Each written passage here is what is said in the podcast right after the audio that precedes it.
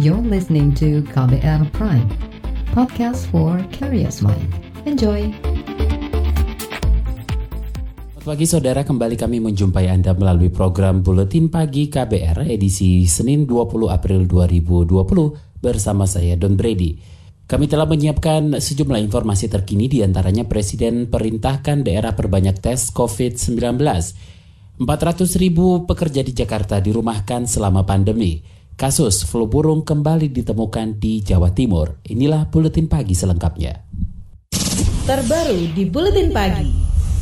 Saudara Presiden Joko Widodo meminta pemerintah daerah meningkatkan kapasitas pemeriksaan sampel COVID-19. Jokowi mengatakan pemeriksaan secara masif menjadi kunci pemutusan mata rantai penyebaran virus COVID-19. Ia juga mendorong gugus tugas di daerah lebih responsif menangani kasus COVID-19 dan melakukan pelacakan yang agresif serta diikuti isolasi yang ketat. Segera dan terus siagakan satuan gugus tugas di tingkat kecamatan, kelurahan, RW, dan RT sesuai dengan kewenangannya. Jika ada warganya yang bergejala terinfeksi virus corona dan juga bila ada yang membutuhkan uluran tangan harus segera dibantu. Presiden Joko Widodo mengakui penanganan COVID-19 tidak mudah, karena itu ia meminta masyarakat turut membantu dan lebih peduli terhadap kelompok yang terdampak COVID-19. Jokowi mengatakan imbauan agar warga tetap di rumah harus diikuti dengan peningkatan kepedulian terhadap sesama. Kasus penularan virus corona penyebab COVID-19 di Indonesia hingga sore kemarin tembus lebih dari 6.500 kasus. Juru bicara pemerintah untuk penanganan COVID-19 Ahmad Yuryanto mengatakan Pertambahan angka kasus positif, kesembuhan, dan kematian terbanyak masih terjadi di DKI Jakarta. Konfirmasi COVID-19 adalah 6.575 orang. Dari kasus konfirmasi yang positif kita dapatkan sembuh 686 orang. Dan yang meninggal adalah 582 orang. 582 ini adalah kasus yang meninggal konfirmasi positif COVID-19. Juru bicara pemerintah untuk penanganan COVID-19 Ahmad Yuryanto menambahkan dalam waktu dekat gugus tugas akan mengoptimalkan laboratorium yang ada untuk pemeriksaan massal hingga saat ini jumlah yang sudah diperiksa sudah melebihi 47 ribu spesimen. Ahli epidemiologi Universitas Indonesia Pandu Riono memperkirakan puncak pandemi COVID-19 di Indonesia akan terjadi pada bulan Mei mendatang. Pandu menjelaskan puncak pandemi terjadi ketika banyak orang terinfeksi namun tidak mendapat fasilitas kesehatan. Menurutnya saat ini jumlah orang yang terinfeksi COVID-19 jauh lebih banyak dibandingkan yang memiliki gejala klinis. Bulan ini nih lagi masa-masa panen ya, kan? masa-masa panen yang nah intensitasnya itu akan memuncak pada waktu uh, nanti menjelang Ramadan itu pada bulan Ramadan dan pada waktu uh, akhir Ramadan itu dan akhir Ramadan itu Ahli epidemiologi dari UI Panduryono juga mengkritik pemerintah yang dianggap tidak memiliki target untuk menyelesaikan kasus COVID-19 di Indonesia. Menurut Pandu, jika penularan tidak segera ditekan, maka kemungkinan pandemi COVID-19 masih akan terus terjadi hingga Agustus nanti. Ia mengatakan agar kurva penularan menurun maka dibutuhkan keseriusan pemerintah untuk menekan pergerakan masyarakat termasuk melarang mudik lebaran. Masih terkait COVID-19, Saudara Kementerian Perhubungan menolak usulan pemberhentian operasional kereta rel listrik atau KRL Jabodetabek selama penerapan pembatasan sosial berskala besar atau PSBB. Juru bicara Badan Pengelola Transportasi Jabodetabek BPTJ di Kementerian Perhubungan Budi Raharjo menegaskan pemerintah hanya bisa membatasi operasional transportasi di Jabodetabek prinsipnya adalah soal transportasi kan intinya adalah mereka transportasi beroperasi dari mulai pukul 5 pagi sampai pukul 7 malam. Lebih waktunya satu jam dibanding DKI. Kenapa? Karena kebanyakan masyarakat di luar DKI itu mereka kan sering melakukan kegiatan ke, ke Jakarta kan. Sementara aktivitas ke Jakarta itu transportasinya itu dimulai jam 6 pagi sampai jam 6 sore. Maka untuk di luar DKI-nya ditambah satu jam. Sebelumnya jam 5 dan terakhirnya jam 7 malam. Juru bicara Badan Pengelola Transportasi Jabodetabek Budi Raharjo mengatakan PSBB mengatur soal pembatasan operasional moda transportasi dan bukan penghentian. Sebelumnya, usulan penghentian sementara layanan KRL disampaikan para kepala daerah di Jakarta dan Jawa Barat yang sudah menerapkan PSBB. Usulan itu dimaksudkan agar penerapan PSBB bisa efektif menekan tingkat penyebaran virus corona. Juru bicara Badan Pengelola Transportasi Jabodetabek Budi Raharjo mengatakan PSBB mengatur soal pembatasan operasional moda transportasi dan bukan penghentian. Sebelumnya, usulan penghentian sementara layanan KRL disampaikan para kepala daerah di Jakarta dan Jawa Barat yang sudah menerapkan PSBB. Usulan itu dimaksudkan agar penerapan PSBB bisa efektif menekan tingkat penyebaran virus corona. Kita ke mancanegara, saudara, kasus positif penularan virus corona di dunia saat ini mencapai 2,3 juta orang dengan angka meninggal secara global mencapai mencapai 158 ribu orang. Namun Reuters memberitakan pemerintah Korea Selatan kini mulai melonggarkan aturan jaga jarak setelah kasus positif di negara itu mulai menurun. Di antaranya kelonggaran pada aktivitas gereja dan olahraga. Di Korea Selatan, kemarin diberitakan hanya ada 8 kasus baru positif virus corona yang merupakan terendah selama dua bulan terakhir. Meski begitu, aturan jaga jarak di Korea Selatan tetap diperpanjang untuk setengah bulan ke depan. Otoritas Korea Selatan memperkirakan jika kondisi tetap terkendali, aturan jaga jarak akan bisa dihentikan pada pekan kedua Mei mendatang. ICW sebut hukuman untuk koruptor di Indonesia masih rendah. Informasinya usai jeda tetaplah di Buletin Pagi KBR. You're listening to KBR Pride, podcast for curious mind. Enjoy!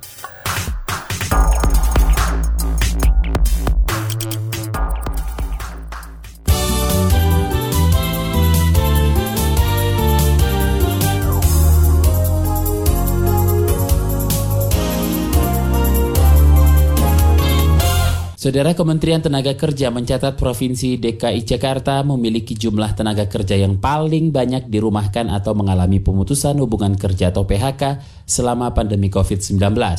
Menteri Tenaga Kerja Ida Fauzia mengatakan ada lebih dari 400 ribu orang di Jakarta yang tidak bekerja akibat dampak pandemi COVID-19. Data ini masih bisa bertambah. Kalau di Kementerian Ketenagakerjaan ini lebih banyak sektor formal baik yang dirumahkan maupun di PHK. Kalau dilihat dari provinsi Mbak, DKI itu termasuk provinsi yang cukup besar. DKI itu yang dirumahkan itu ada 449.545. Kemudian Jawa Barat, Jawa Tengah, Jawa Timur, kemudian Bali. Secara total, menurut data Kementerian Tenaga Kerja, jumlah tenaga kerja yang dirumahkan atau kena PHK akibat pandemi COVID-19 mencapai 1,9 juta orang. Menteri Tenaga Kerja Ida Fauzia mengatakan pemerintah telah mengambil sejumlah langkah untuk mengurangi dampak COVID-19 di sektor ketenaga kerjaan. Di antaranya relokasi APBN sebesar 400 triliun rupiah untuk pemulihan ekonomi dampak dari COVID-19. Dana itu dialokasikan melalui stimulus ekonomi, intensif pajak, dan sebagainya. Kementerian Desa menggalang relawan di pedesaan untuk memantau mobilitas penduduk di tengah wabah COVID-19. Menteri Desa Abdul Halim Iskandar mengatakan saat ini jumlah relawan di pedesaan mencapai 1 juta orang. Para relawan akan membuat 80 ribu pos jaga untuk memantau mobilitas penduduk dari dalam dan luar desa, terutama terkait mudik lebaran. 40 ribu desa atau sekitar 53 persen yang sudah uh, membentuk relawan desa lawan COVID-19. Tentu 40 ribu desa ini memang masih dalam proses utamanya di basis-basis yang hari ini sedang menghadapi situasi. Sementara 47 persen lainnya masih terus berproses dan tiap hari kita melakukan pemantauan, evaluasi, dan pengawasan terhadap pelaksanaan pembentukan relawan. Menteri Desa Abdul Halim Iskandar meminta para relawan memperhatikan para pemudik yang datang karena beresiko menyebarkan virus COVID-19. Para relawan akan ditugasi mendata dan mengawasi para pemudik. Majelis Ulama Indonesia MUI mengimbau masyarakat tak mengadakan kegiatan buka puasa bersama selama Ramadan. Sekretaris Komisi Fatwa MUI Asrorun Niam Soleh mengatakan kegiatan buka puasa bersama berpotensi menyebarkan virus corona ia menyarankan masyarakat menghabiskan waktu beribadah dan berkumpul di rumah. Kita jadikan rumah sebagai pusat kegiatan ibadah. Ibadah mahdoh dan juga ibadah ghair mahdoh. Kebiasaan ibadah di masjid dan musola saat tarawih yang biasanya kita laksanakan. Kita syiarkan dengan berbagai aktivitas keagamaan. Kita geser syiar itu ke kediaman masing-masing. Sungguh penggeseran dari masjid ke kediaman tidak mengurangi seinci pun ketaatan itu. Sekretaris Komisi Fatwa MUI Astro Runia Mesoleh mengatakan, ibadah puasa juga bertujuan meningkatkan kesehatan, sehingga selama bulan puasa masyarakat diwajibkan mencegah adanya penyebaran COVID-19 dengan di rumah saja. Beralih ke informasi ekonomi, saudara pemerintah memperlakukan toleransi pelebaran defisit produk domestik bruto atau PDB hingga 5 persen. Pelebaran defisit 5% itu setara dengan 800 triliun rupiah lebih dan Direktur Jenderal Anggaran Kementerian Keuangan Askolani mengatakan pelebaran defisit itu untuk dialokasikan terutama ke sektor kesehatan, terutama penyediaan sarana prasarana kesehatan, pembiayaan penanganan kesehatan hingga santunan untuk tenaga medis. Defisit kita menjadi 5,07 persen daripada PDB dan dengan 5 persen daripada PDB itu kemudian kita mempunyai space untuk bisa mendukung pembelanjaan yang lebih banyak dan pembiayaan lebih banyak untuk bisa menangani dampak COVID ini dari berbagai bidang. Itu tadi Dirjen Anggaran di Kementerian Keuangan Askolani. Sebelumnya Presiden Jokowi mengeluarkan peraturan Presiden nomor 54 tahun 2020 tentang perubahan postur dan rincian APBN 2020. Belait tersebut ditekan untuk melengkapi Perpu nomor 1 tahun 2020 tentang kebijakan keuangan negara dan stabilitas sistem keuangan untuk penanganan pandemi virus corona. Kita ke informasi lain, Lembaga Pemantau Korupsi ICW menyebut hukuman bagi koruptor sepanjang tahun 2019 masih sangat rendah. Peneliti ICW Kurnia Ramadana mengatakan rata-rata vonis bagi terdakwa korupsi hanya 2 tahun 7 bulan penjara. Rendahnya vonis bagi terdakwa korupsi menunjukkan belum adanya keberpihakan penegak hukum dan pengadil untuk memberi efek jerah bagi koruptor rata-rata vonis hanya dua tahun tujuh bulan penjara, sangat jauh dari ideal efek jerah bagi pelaku korupsi dan peningkatannya hanya dua bulan dibanding tahun-tahun sebelumnya. Harapan kita itu sebenarnya rata-rata vonis tipikor itu bisa di atas 8 tahun, 9 tahun atau 10 tahun agar tercipta efek jerah baik bagi terdakwa itu sendiri ataupun bagi masyarakat untuk tidak melakukan tindak pidana korupsi. Peneliti ICW Kurnia Ramadana menambahkan rata-rata tuntutan dari Jaksa KPK dan Kejaksaan Agung terhadap pelaku korupsi hanya 3 tahun 7 bulan penjara. Sedangkan kasus vonis bebas dari ter bagi terdakwa korupsi selama tahun lalu mencapai angka tertinggi dalam tiga tahun terakhir. Laporan khas KBR tentang pekerja sektor pariwisata merana di terpa badai COVID-19 akan hadir usai jeda tetaplah di Buletin Pagi KBR. You're listening to KBR Pride, podcast for curious mind. Enjoy!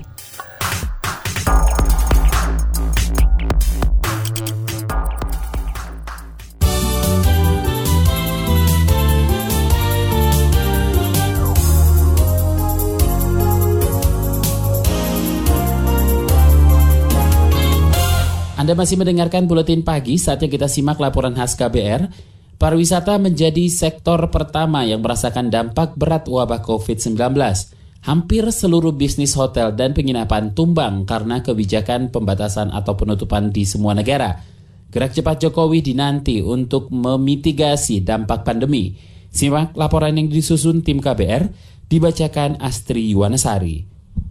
Bisnis hotel dan penginapan di Bali terkapar sejak wabah COVID-19 melanda. Feni, pengelola villa di daerah Ubud mengatakan, kunjungan turis mancanegara sudah berhenti total sejak penerbangan ditutup.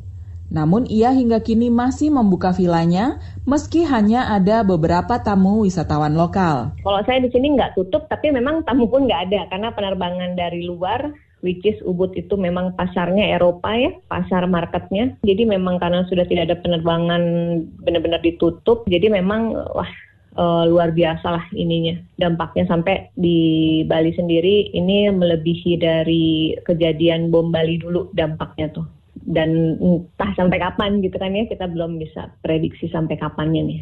Feni sudah merumahkan hampir semua karyawan akibat makin anjloknya pesanan. Beberapa di antaranya memilih pulang kampung ke Jawa dan Nusa Tenggara Barat.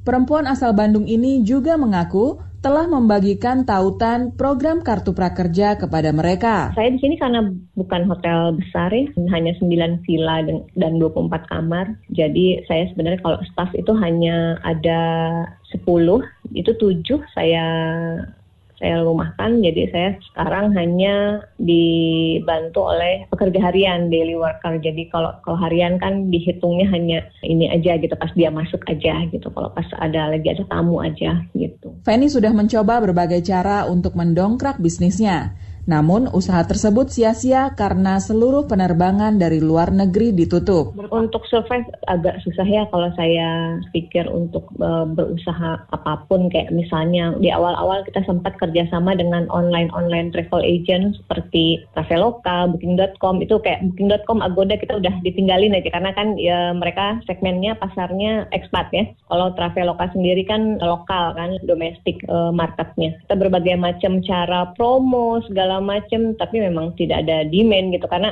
penerbangan pun susah gitu kita masih kerja di situ, cuman kita nggak digaji. Ini pun yang THR bulan depan uh, diusahakan. Arif sudah mudik ke kampungnya Temanggung, Jawa Tengah, usai dirumahkan tanpa digaji oleh manajemen hotel tempatnya bekerja di Yogyakarta. Pandemi COVID membuat semua hotel di sana sepi pengunjung. Ia memilih balik kampung ketimbang berlama-lama di kota Gudeg demi menghemat pengeluaran. Okupansi dari hotel sendiri nggak ada tamunya karena cuma kayak check in satu kamar dua kamar itu pun kadang tamunya nggak datang jadi kayak check inin sehari itu nggak mesti check in karena okupansi yang turun dan juga staffnya yang banyak dan untuk penggajiannya kita jadi nggak nggak bisa maksimal ini kita di unpaid kan aja kita dipulangkan uh, sementara selama dua setengah bulan itu. Arif mengais sedikit pemasukan lewat kerja sambilan sembari menunggu hotel kembali beroperasi. Pemuda 21 tahun ini membuka jasa rias pengantin dan berjualan sambal secara daring. Namun, Dua usahanya itu pun sulit diharapkan karena ikut terdampak wabah corona. Orang nikah atau orang apa juga sekarang udah mulai nggak bolehin ada acara rame-rame jadi otomatis menurun dan itu pun nggak setiap hari. Sebulan tuh paling cuma sekarang kayak tiga atau empat kayak gitu doang. Kalau sambelnya juga sehari nggak apa ya, ya lima enam picis itu menurutku seenggaknya masih ada income lah. Jadi lumayan banget uh, untuk sekelas pengangguran yang nggak digaji ada tambahan untuk jajan itu dari situ lumayan banget sih. Arif juga melirik program Kartu Prakerja yang ditawarkan pemerintah. Ia mengaku telah didaftarkan oleh lembaga pendidikan kejuruan tempatnya sekolah dulu. Namun ia tak berharap banyak mengingat program itu ditujukan bagi warga yang terkena pemutusan hubungan kerja. Aku sih belum dapat info selanjutnya sampai mana karena memang itu lembaga menaungi banyak sekali manusia untuk daftar prakerja. Cuman kalau yang masih terikat sama lembaga kan emang nggak boleh. Sementara itu pemerintah tengah menyiapkan skema mitigasi dampak COVID terhadap sektor pariwisata. Pekan lalu, Presiden Joko Widodo menginstruksikan jajarannya untuk mendistribusikan bantuan sosial bagi para pekerja yang terdampak. Selain itu, Jokowi memerintahkan Kementerian Pariwisata merealokasikan anggaran untuk program padat karya. Kepala negara juga menjanjikan ada stimulus ekonomi bagi pelaku usaha pariwisata. Jokowi optimis wabah corona bakal selesai akhir tahun ini, sehingga sektor pariwisata segera bangkit kembali. Saya meyakini ini hanya sampai pada akhir tahun. Tahun depan akan terjadi booming di bidang pariwisata semua orang pengen keluar, semua orang pengen menikmati kembali keindahan-keindahan yang ada di wilayah-wilayah yang ada pariwisatanya sehingga optimisme itu yang harus terus diangkat. Demikian laporan yang disusun tim KBR, saya Astri Yuwanasari. Informasi dari daerah akan kami sajikan usai jeda tetaplah di Buletin Pagi KBR. You're listening to KBR Pride, podcast for curious mind. Enjoy!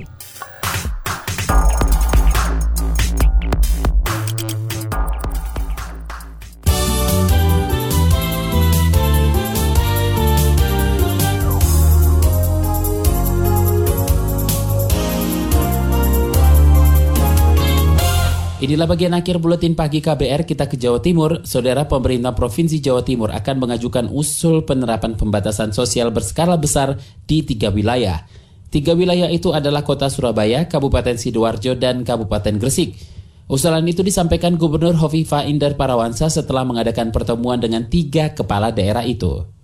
Ini akan menjadi satu kesatuan dari kesepakatan kita untuk menyiapkan Surabaya, Sidoarjo, dan Gresik masuk pada PSBB, tentu ini akan kami teruskan melalui surat resmi kepada Menteri Kesehatan. Kita Gubernur Jawa Timur Kofifa Indah Parawansa mengatakan keputusan pengajuan PSBB diambil karena penyebaran COVID-19 di tiga wilayah itu semakin masif. Dikhawatirkan kalau tidak ada pembatasan, tiga wilayah itu akan menjadi epicentrum sebaran COVID-19 ke wilayah lain di Jawa Timur.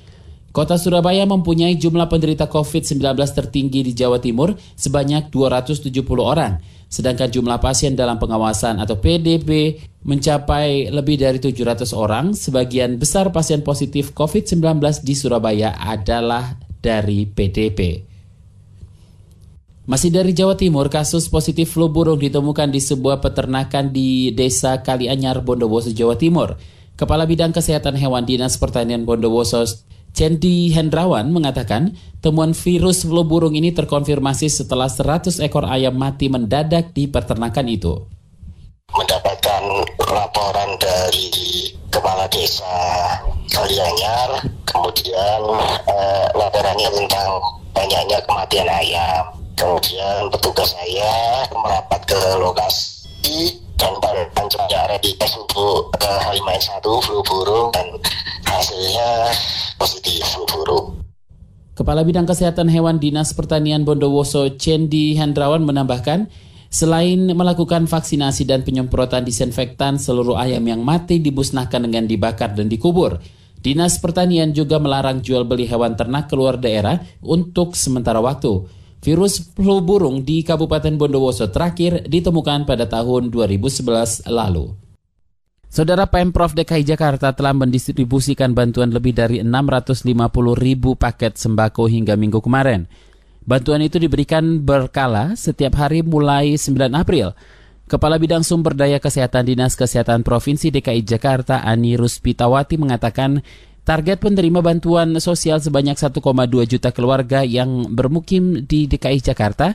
Sebelumnya Gubernur DKI Jakarta Anies Baswedan memastikan bantuan ini akan diberikan kepada semua warga miskin dan rentan miskin yang bermukim di ibu kota, meski tidak memiliki KTP Jakarta. Bagi yang belum terdata, Anies menyarankan untuk melapor ke RW setempat dengan mengisi formulir bantuan. Informasi tadi menutup jumpa kita di Buletin Pagi hari ini. Pantau juga informasi terbaru melalui kabar baru, website kbr.id, Twitter kami at berita KBR, serta podcast melalui kbrprime.id. Akhirnya saya Don Brady undur diri. Salam.